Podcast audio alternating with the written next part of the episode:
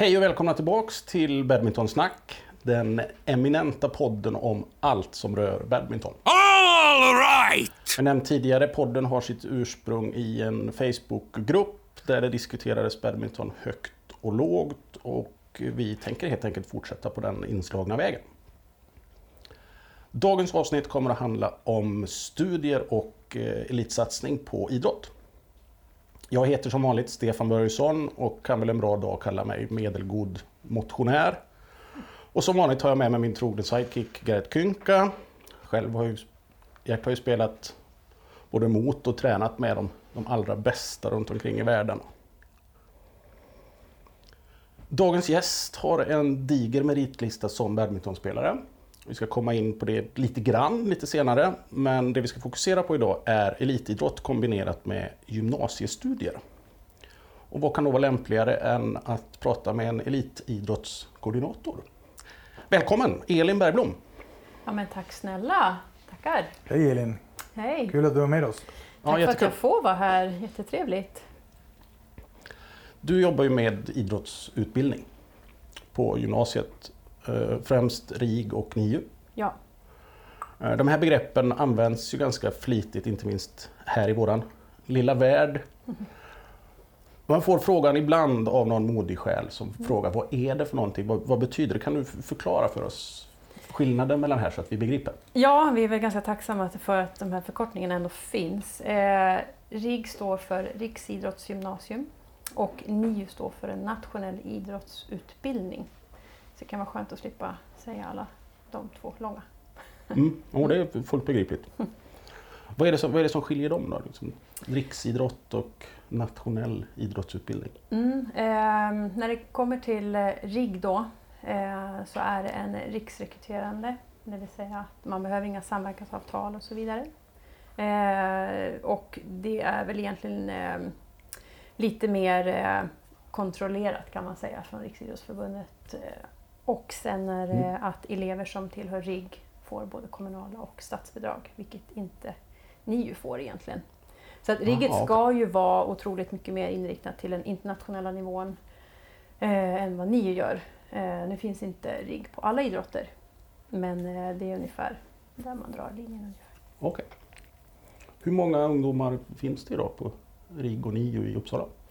Ja, tur att jag sa Uppsala, för eh, nej, men eh, RIG rent krasst eh, med platser i hela Sverige finns ungefär 1100. Eh, så det är ganska många. Men i Uppsala så har vi 66 RIG-platser fördelat på amerikansk fotboll, golf och badminton.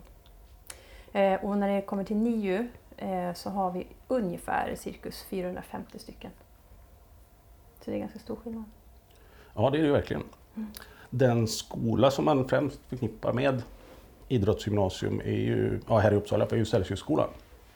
Eh, Måste man gå där om man ska gå på RIG eller NIU eller kan man gå på något annat gymnasium och kombinera på något sätt? Nej, men Celsiusskolan har ju varit egentligen eh, kärnan eh, och den skola som kommunen för många, många år sedan valde att satsa hårt på. Eh, och då måste man ha både RIG och NIU-certifiering eh, för att egentligen bedriva den här utbildningen. Eh, nu Okej. har vi inför det här läsåret även öppnat upp på Ekeby med fem stycken NIU-idrotter. Och då måste man ju då söka för det helt enkelt eh, hos Skolverket och så vidare. Så det är jättekul att vi nu är på två. Men sen, det är väldigt få än så länge. Några Mm. idrotter, idrottare bara. Så Celsiusskolan är helt klart den stora med över 800 idrottselever. Och Ekebygymnasiet, de har väl lite mer yrkesinriktade utbildningar och så? Precis, exakt. Det är eh, lärlingsprogram. Ja. Eh, helt och hållet. Det är det. Mm. Men hur funkar det um, i Sverige Elin? Uh, Vi har pratat lite om Uppsala, men hur många RIG och NIU finns, finns det totalt i Sverige? För de som inte vet. I badminton. I badminton. Eh, nu ska jag hålla tungan rätt i mun. Eh, ja, men två rigg, så den är inte så svår. Eh, kan det finnas en sju? Sju, åtta, nio. Ja, tror Ja, det. är intressant att veta. Att är, hur, är, har du någon koll på, du kanske jobbar mest här i Uppsala, men hur många skulle det behövas flera RIG och NIU till exempel om vi nu bara eh, pratar med antalet skolor och möjligheter och hur, hur ser behovet ut? Eller har vi någon, vet du något om det? Ja, nej, men jag sitter faktiskt med i eh, förbundet har skapat en RIG och NIU-grupp Mm. för alla tränare som eh, jobbar mm, på på de här skolorna och med badmintonspelare. Eh, superbra, Mm. får verkligen ihop eh, badminton-Sverige på det sättet. Ehm, så att, nej men jag har nog inte fått någon eh, sådär eh, önskan om att det skulle finnas fler. Mm. Nej, jag tror att man är rätt nöjd med de man har och då försöker man verkligen synka ihop dem för att vi allihopa ska kommunicera samma språk eller vad man ska säga. Ja, Okej. Men hur lätt är det nu om man skulle vilja börja plugga på RIG eller NIU? Hur, hur lätt eller svårt är det att komma in i, i skolan nu? I skolan och på liksom det här RIG badmintonprogrammet eller NIU-programmet. Mm. Vad är det som krävs för det? Eh, ja men alltså om man pratar om en typ, vi börjar kalla en tidslinje för en idrottselev att egentligen söka till ett NIU eller RIG. I alla fall här i Uppsala och det är säkert på alla andra skolor också som har de här. Eh, och det är egentligen redan 15 september nu så öppnar själva ansökningen. Sen 1 december ska de ha sökt in. Sen pågår en eh, antagningsprocess. Eh, och sen ungefär i mitten av januari så får de ett idrottsligt antagningsbesked. Efter det så ska de söka till skolan. Så då ska de ju komma in på skolan också. Och vi har en liten mur med att, eller mur på det sättet att Celsiusskolan har blivit otroligt populärt. Så vi har enormt höga betyg. Eh, tillhör de högsta i Uppsala. Ja, vad kul. Ja, det är jätteroligt, men för våra idrottselever så tycker vi att vi finner det lite mer inte så bra. Eh, för det blir svårt att eh, ha en karriär inom sin idrott och nästan vara akademiskt lagd. Eh, det vill säga A i stort sett alla ämnen. Nästan. Nej, men sen pågår den här processen ganska länge eh, och rent krasst den 20 juni sen ungefär så får de sen det här antagningsbeskedet om de har kommit in på skolan eller inte. Okej. Mm. Så för en elev så är det faktiskt en, eh, det är en hård väg Mm. att eh, ta sig hela vägen. Och har ni någon statistik eller hur, hur många? Du nämnde att det, det kanske vore nästan bättre för idrottselever att inte ha så liksom, höga krav till exempel. Att, har ni någon statistik eller borde man ha det lite lättare till exempel för elitidrottselever? Vad tycker du? Som, du har ju också varit på väldigt hög nivå och EM-medaljer och eh, många interna, internationella resultat och alla SM-guld som du själv har som före detta spelare. Men vad tycker du om det? Hur skulle man kunna... Ja, Ja, nej, men, men jag förstår frågan. Eh, nej, men jag, eh, alltså Celsiusskolan är, det är en jättebra skola. Ja. Och jag förstår att den är populär. Eh, och det är väl klart att vårt önskemål hade absolut varit att vi hade kunnat sagt att ja, men du är en idrottselev så du får komma in. Mm. Men en kommunal skola så vi får inte jobba så. Utan man går efter eh, betygen rakt av. Mm.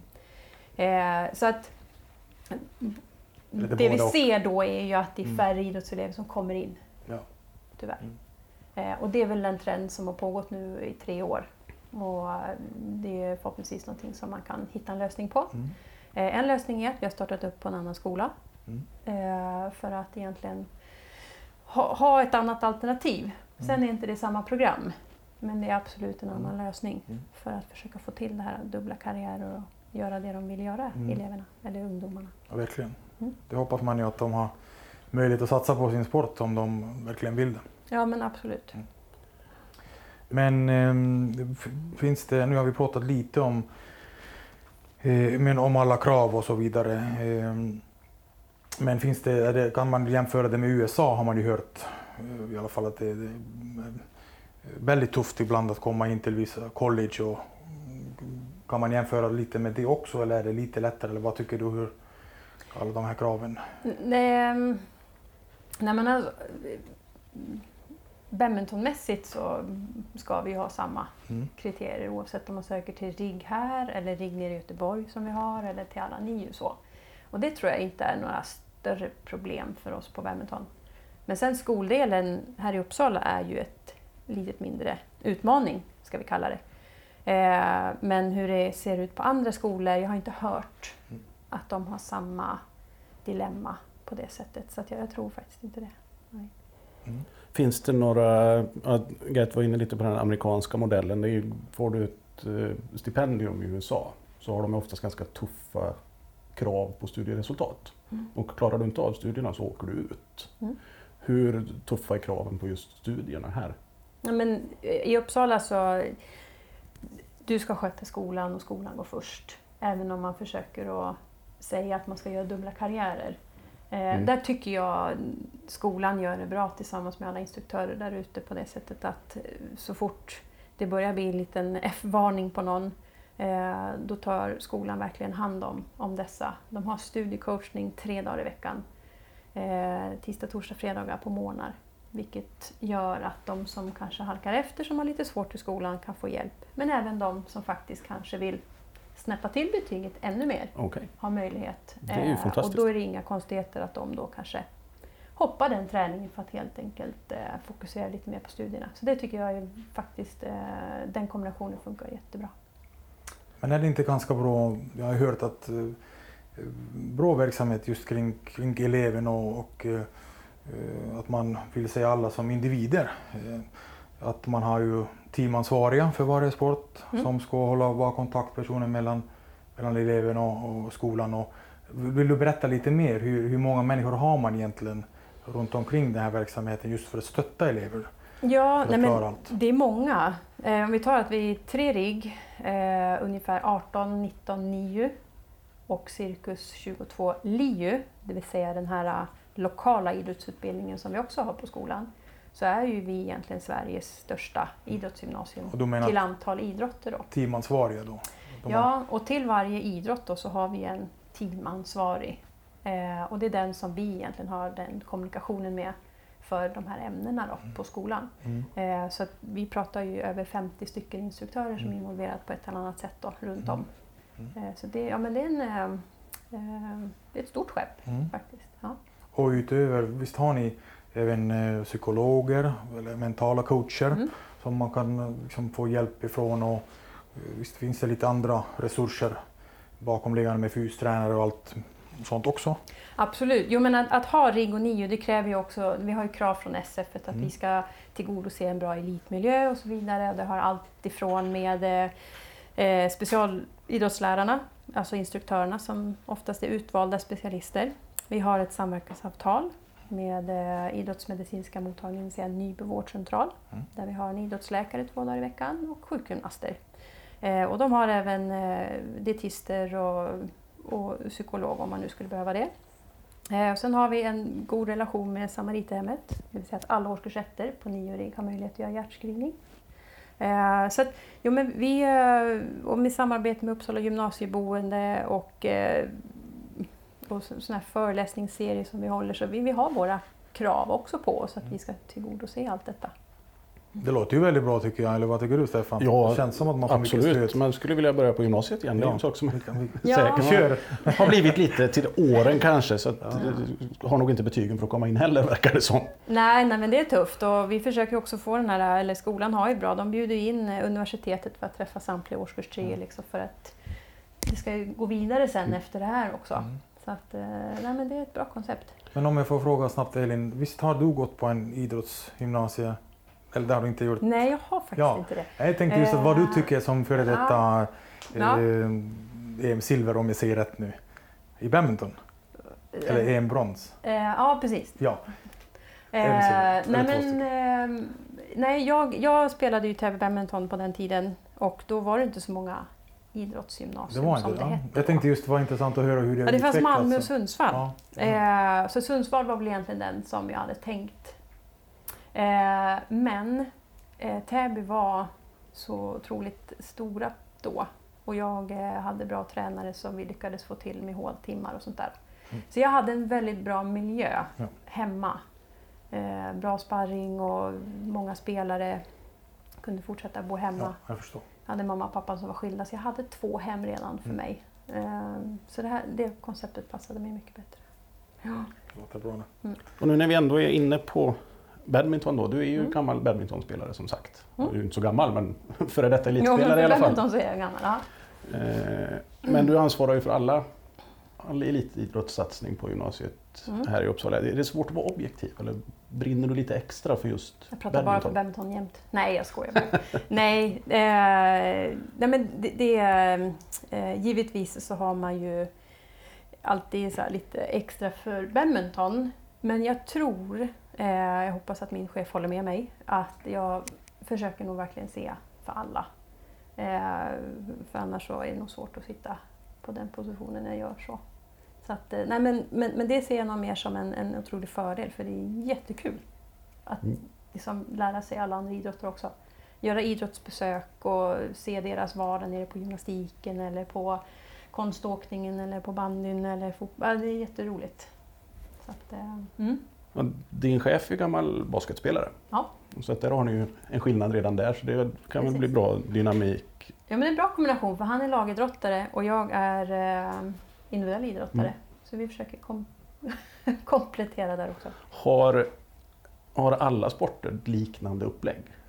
Eller skiljer det sig mycket åt mellan sporterna? Ehm, nej men i stort sett så har alla idrotter på den här skolan samma upplägg. Det vill säga att vi har en schemalogga, det vill säga skolschema.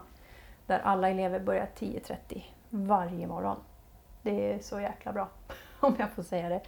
Eh, vilket man har tid för träning, styrketräning, återhämtning och allt. Träning och tävlingslära. Men en idrott som kanske sticker ut lite så, det är ridsport. Eh, NIU, de, de jobbar med camper. Jaha, Eh, då de har samarbete med, en, eh, med två stycken som är eh, en bit härifrån. Så att, eh, då åker de iväg på camper emellanåt. Så att det är lite ett annat upplägg för dem. Jag tänker också amerikansk fotboll, eh, det tarvar ju några stycken för att bedriva effektiv träning. Badminton kan man ju faktiskt spela en eller två. De behöver väl vara en 20 personer i alla fall Ja, minst. för att köra fullt Gud, ja. ut. Ja. Eh, ja, ja, ja. De vill nog gärna vara 30, om inte mer än så. Okej, Och så pass många? bra. Nej, men de, RIG och, eh, de är många. Eh, Rigget hade väl lite tufft nu då när de, eh, i och med det här nya antalet på RIG, så blev de av med platser från 30 till 20. Vilket kanske är också en liten utmaning att ha bra träning på 20. Mm. Eh, ja, ehm, absolut. Det kräver sin mängd med den idrotten. Ja, jag förstår det. Mm. Eh, Kan man, får man hjälp på något sätt med utrustning? Och så där? Badminton är ju en relativt billig sport. Mm. Jag tänker ridsport som du var inne på, golf, segling. Det kostar ju en del pengar. Får Ja. man stöd där? Ingenting? Nej, eh, utan som det är nu så är det att man får bekosta den här idrottsutbildningen själv. Okej. Eh, det har ju varit ett hett ämne på det sättet att eh, om vi tar NIU ridsport som ett exempel, vilket ofta hamnar som ett exempel, där du behöver ha en väldigt duktig häst för att kunna vara på en sådan hög nivå. Och de hästarna är inte billiga. Nej, de kostar ju mer än en väska med Yonex-racketar. så Det är en sak som är säker. Ja, jo men precis. Och, och det är väl klart att det, då kan man ju inte köpa en, en sådan häst med kommunala medel eh, för att man ska kunna bedriva en sån elitutbildning. Då. Eh, Gert var ju inne lite grann på, och du också, din tid som badmintonspelare på gymnasiet. Men vad vad, hur såg ditt träningsupplägg och tävlingsupplägg ut om du jämför med de som går på RIG eller NIO idag? Vad var de största skillnaderna för din del? Eh, na, men, eh, jag tror att eh, upplägget i sig är nog inte så stor skillnad. De som är på RIG här eh, i Uppsala har ju absolut ett väldigt uppskattat och, och tillgängligt schema för att lägga in träning. Det hade väl kanske inte jag, men å andra sidan så jag fick till med håltider och, och allt möjligt. Eh, men jag tror nog att eh, på, på den tiden, jag ska inte säga på min tid, men lite tidigare så var, jag tror att det är otroligt mycket mer fokus på styrketräning i dagsläget, alltså än vad det var förr. Okej. Det är mer eh, viktigt, eller vad man ska säga. Eh, det var viktigt då också, men nu är det verkligen en del eh, som man bakar in i helheten. Eh, och gärna att det ska funka med idrottspsykologi, men att man får ihop alla de här delarna. Eh, ja, det var väl inte riktigt samma fokus, utan det var mycket badminton då. Och den här styrkedelen fick man ta tag i själv. Lite mer. Okej. Mm. Men hur ser det ut här? um, Du nämnde innan eller tidigare att du är och hälsar på olika idrotter och det är spännande att se hur alla tränar och så vidare. Mm. Kan man se någon skillnad mellan olika rik inom olika sporter? Till exempel att badminton och, eller märk, är det någon som är väldigt framåt just med styrketräning eller liksom har, eh, du som koordinator, vad tycker du? Att, säger du att de är väldigt drivande och framåt just på vissa saker eller tränar man på ganska lika sätt? Eh, eller är det beroende jag- på sport, bero- beroende på vad man har för behov som idrottare? Eller hur ser det ut? Ja, men på de tre rigg vi har så, så tror jag att den styrketrä, styrketräningsbiten är högt lika fokus. Mm. Både eh, vi på riggolf och vi på eh, rigg badminton har faktiskt Mm. samma fystränare just nu. Eh, jätteduktig. Eh, så att man, vi har ju valt på rigg badminton då Mm. eftersom jag ändå hjälper till lite mer där tillsammans med Andy Tandaputra och An- Amanda Högström. Så vi, vi tycker att det är, vi är experter på badminton men vi är inte experter inom fysdelen. Mm. Och därför väljer vi att lägga en, en del av den kakan på att eh, göra så, skapa bra förutsättningar. Mhm. Spännande. Vad tycker du är, som före detta elitidrottare, vad tycker du är största fördelen med att ha den bakgrunden i ditt nuvarande jobb? Eh, i, ja, men eh, kanske att man eh, att man förstår. Man tycker att det många gånger är en självklarhet. Att alla ska förstå vad som krävs och vad som behövs. Mm. Det är det inte. Och det tror jag kan vara en fördel med att man kan tänka i samma banor och sätta sig in i situationer för vad som krävs. Eh, förhoppningsvis. Vad tror du, vad kan vara de största utmaningar? Du har ju själv gått igenom en elitidrottskarriär. Och, vad, vad är de vanligaste liksom, utmaningarna? Man flyttar kanske hemifrån som 15-16-åringar. Mm. Man börjar träna mycket mer. Och vad, vad, vad ser du generellt med, med RIG och NIO i, i Uppsala? Vad, vad är största utmaningen för elever som, som börjar en sån resa? Oj, eh, för någon som flyttar hit menar du? Ja, Lite eller- så? eller någon som som bara- börjar? Precis, någon som börjar på skolan. Nej men först och främst så ska man nog vara absolut väldigt eh, uppmärksam på att träningsbelastningen ökar. Eh, man har ju tillgång varje morgon egentligen. Och man, I början vill man nog träna hur mycket som helst. Eh, och där ska man nog ha bra samarbete med tränaren att bromsas lite. Eh, överbelastningsskador är generellt någonting som kommer på de flesta idrotter nu runt november, december där hos eh, vår idrottsmedicinska mottagning. Då kommer de här eh, överbelastningsskadorna ganska snabbt. Ehm, nej men sen är det nog liksom, ta en som flyttar hit. Ja men såklart, flytta hemifrån, man ska bo själv, man ska tvätta, man ska laga mat. Man ska orka gå upp en kvart tidigare för att äta frukost innan träningen. Det är ingen som har lagat mat när man kommer hem. Eh, och man ska framförallt orka plugga. Eh, ja men det är många delar. Jag imponeras av dem allihopa som är här. Så det är det som är så himla kul, att man verkligen vill. Och det är precis det de vill. Vad kul att höra. Mm. Om du, fick, om du fick ge ett enda råd till en 15-åring som vill satsa på till exempel badminton från och med nästa höst. Mm. Vad skulle det, vad skulle det vara? Oj, vilken svår fråga. Eh, den hade jag fått gärna tänkt till lite på. Eh, nu ska vi se. Eh, ett endaste råd.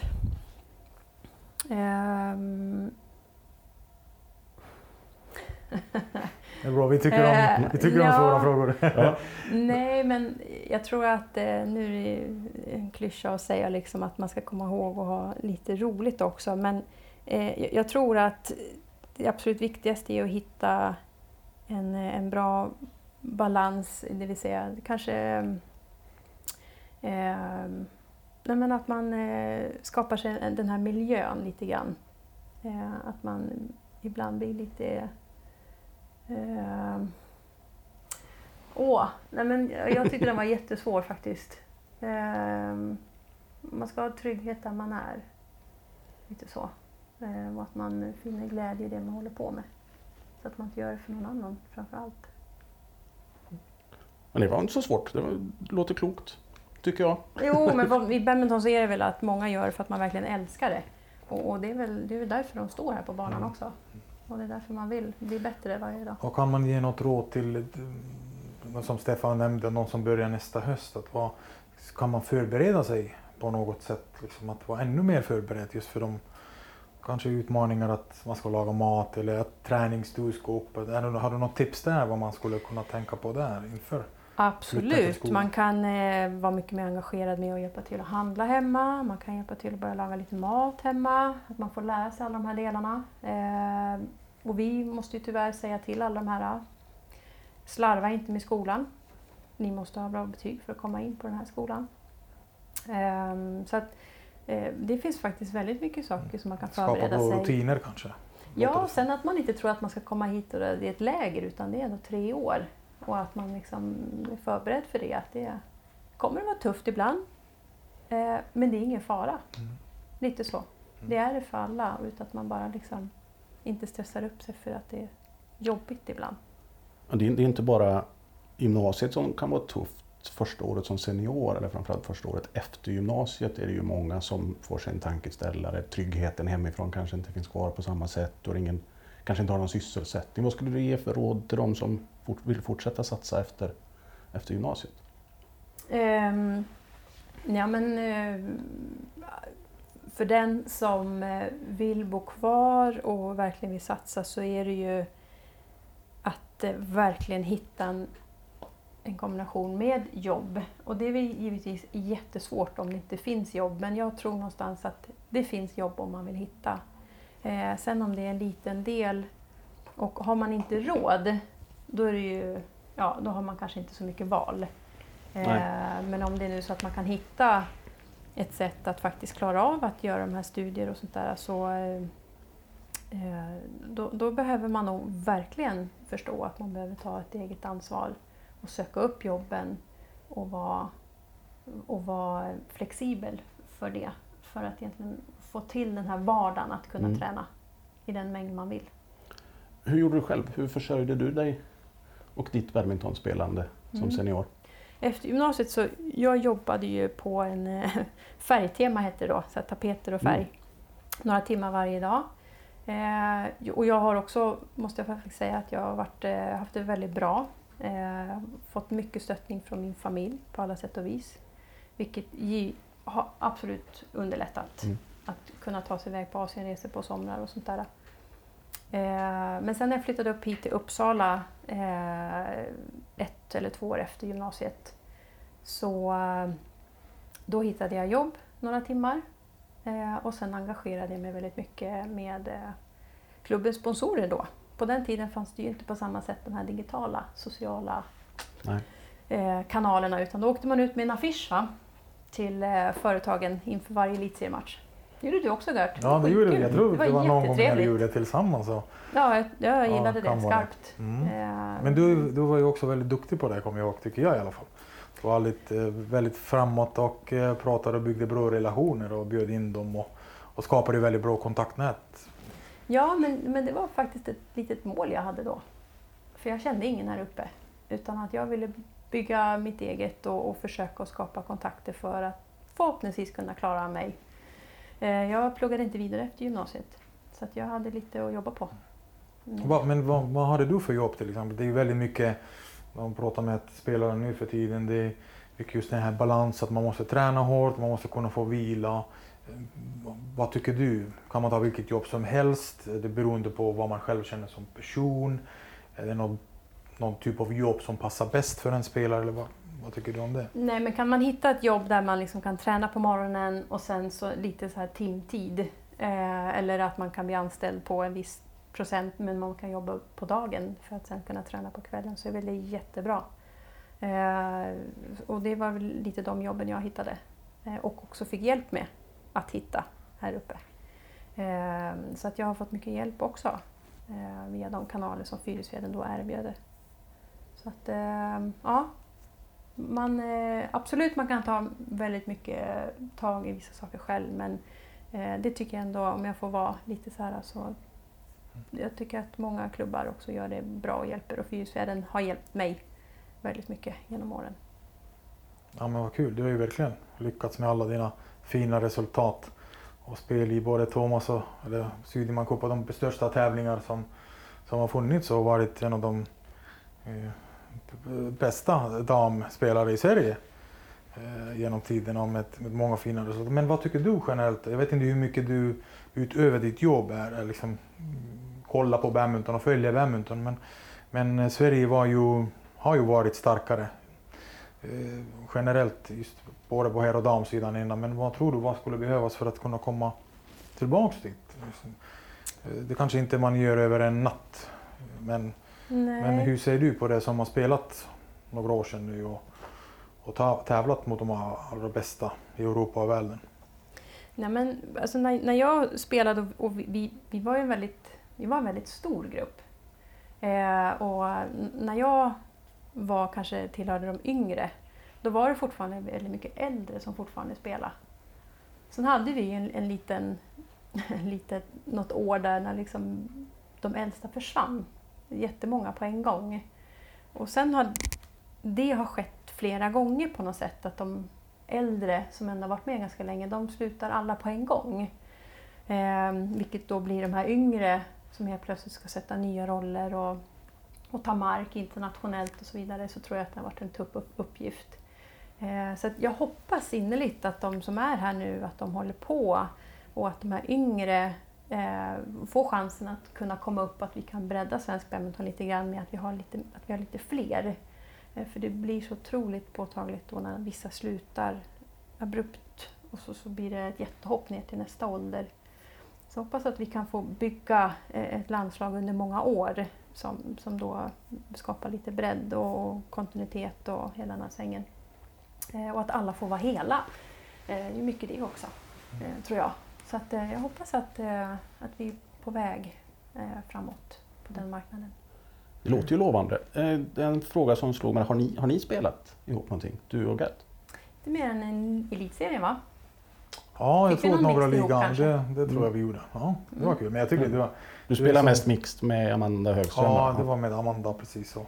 Men jag tycker att det jag kommer ihåg med spelet från Elin och hon var alltid en väldigt, eh, eller du var Elin när du är här, hon var, du var alltid en väldigt eh, trevlig och positiv lagkamrat som ville alltid hålla bra stämning i gruppen och, eh, och eh, ville alltid för allas bästa i laget. Och det är väldigt viktigt med sådana personer.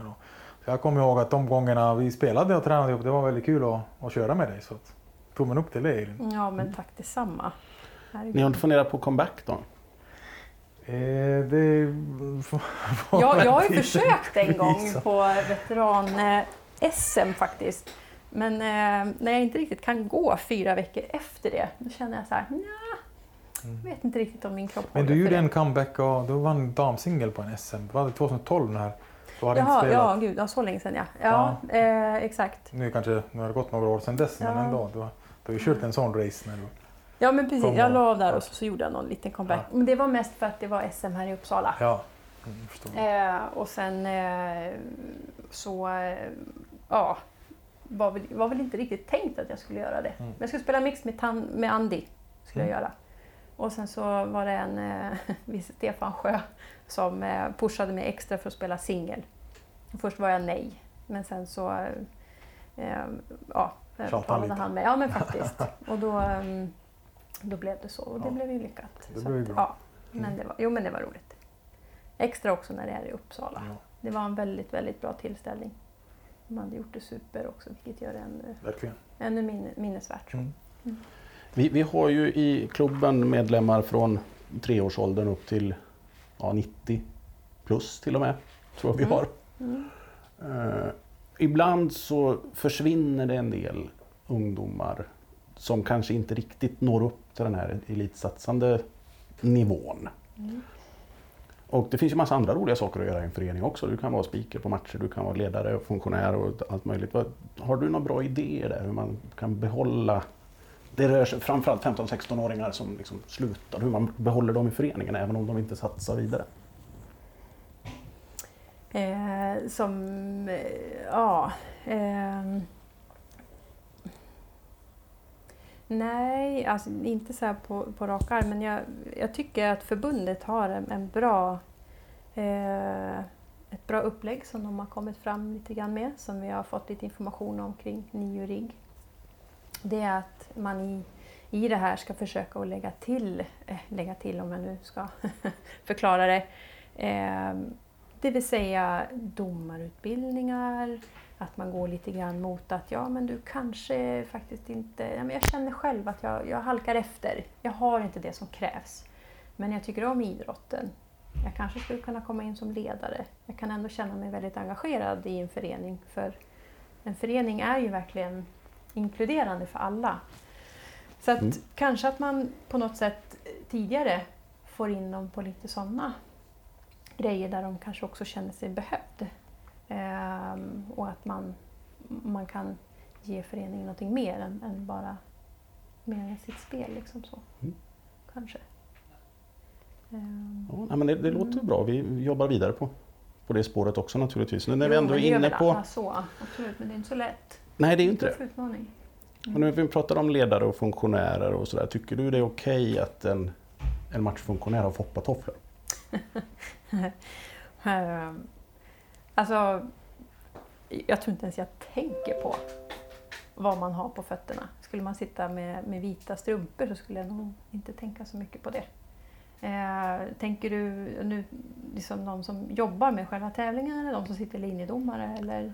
Ja, alla officiella funktionärer egentligen. Jag kanske skulle förvåna, men jag skulle nog reagera om domaren går upp med ett foppatofflor kanske, för då, han kommer ändå upp i höjd. Liksom så. Ja, där ser du skorna på Ja, ett annat sätt. Ja. Eh, Men annars så skulle jag nog inte titta ner så. Nej. Nej. Pass på den frågan. Har du något att tillägga Gert? Nej, men jag tycker att det har varit kul att eh, vi har kunnat prata med dig Elin. Och, eh, lycka till, hoppas att Riga 9 växer. Eh, både här i Uppsala och även i Sverige. Eh, både badminton och andra sporter. Det är ju roligt och jag tror vi alla är överens här. Vi är ju riktiga idrottsfans allihopa. Att det är ju kul om vi får mer framtid inom idrotten för Sverige. Så det är bra jobbat och kämpa på det. Ja men tack. Vi får väl se också vad det här nya förslaget med idrottsgymnasiet 2024 också kommer till att resultera i.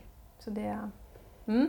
Mm. När, vi, när vi vet mer om det, eller när du vet mer om det, kanske vi får bjuda in dig en gång till. Så Ja, vi men köra en absolut. rejäl dragning Ja. om vad som händer framöver. Ja, ja, men eh, det gör jag jättegärna. Eh, och försöker då också ha fått med en klar bild Mm. om vad som komma skall i sådana fall. Jättebra. Stort tack för att du kom hit. Jättekul att ha dig här. Tack och tack Gert. Tack själv Stefan. Tack Och tack. Elin. Eh, Det var allt vi hade att bjuda på idag. Och missa nu inte nästa avsnitt av Badmintonsnack. Det blir nämligen en utrustningsspecial. Och vi som gillar prylar tycker att det kommer att bli otroligt spännande. Så tack för den här gången. Tack! Tack så mycket.